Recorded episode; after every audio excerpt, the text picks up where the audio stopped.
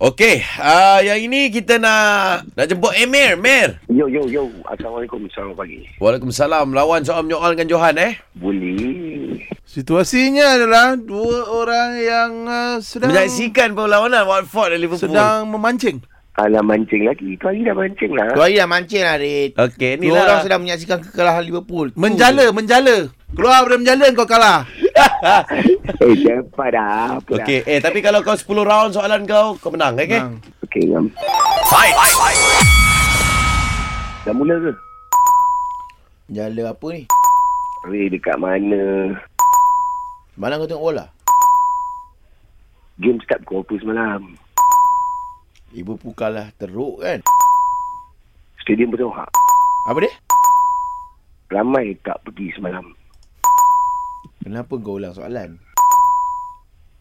Ray bangun tidur pukul apa Kenapa kau tanya aku Gol nombor satu tu lawa tak Ha, ni dah keluar dari situasi ni. Esok aku rasa esok Dia orang tak pergi main bola kot Itu bukan uh, soalan lah walaupun uh, dalam bentuk mempersoal lah kan, tapi dia bukan soalan tu. Ha, depan dia tu. Dah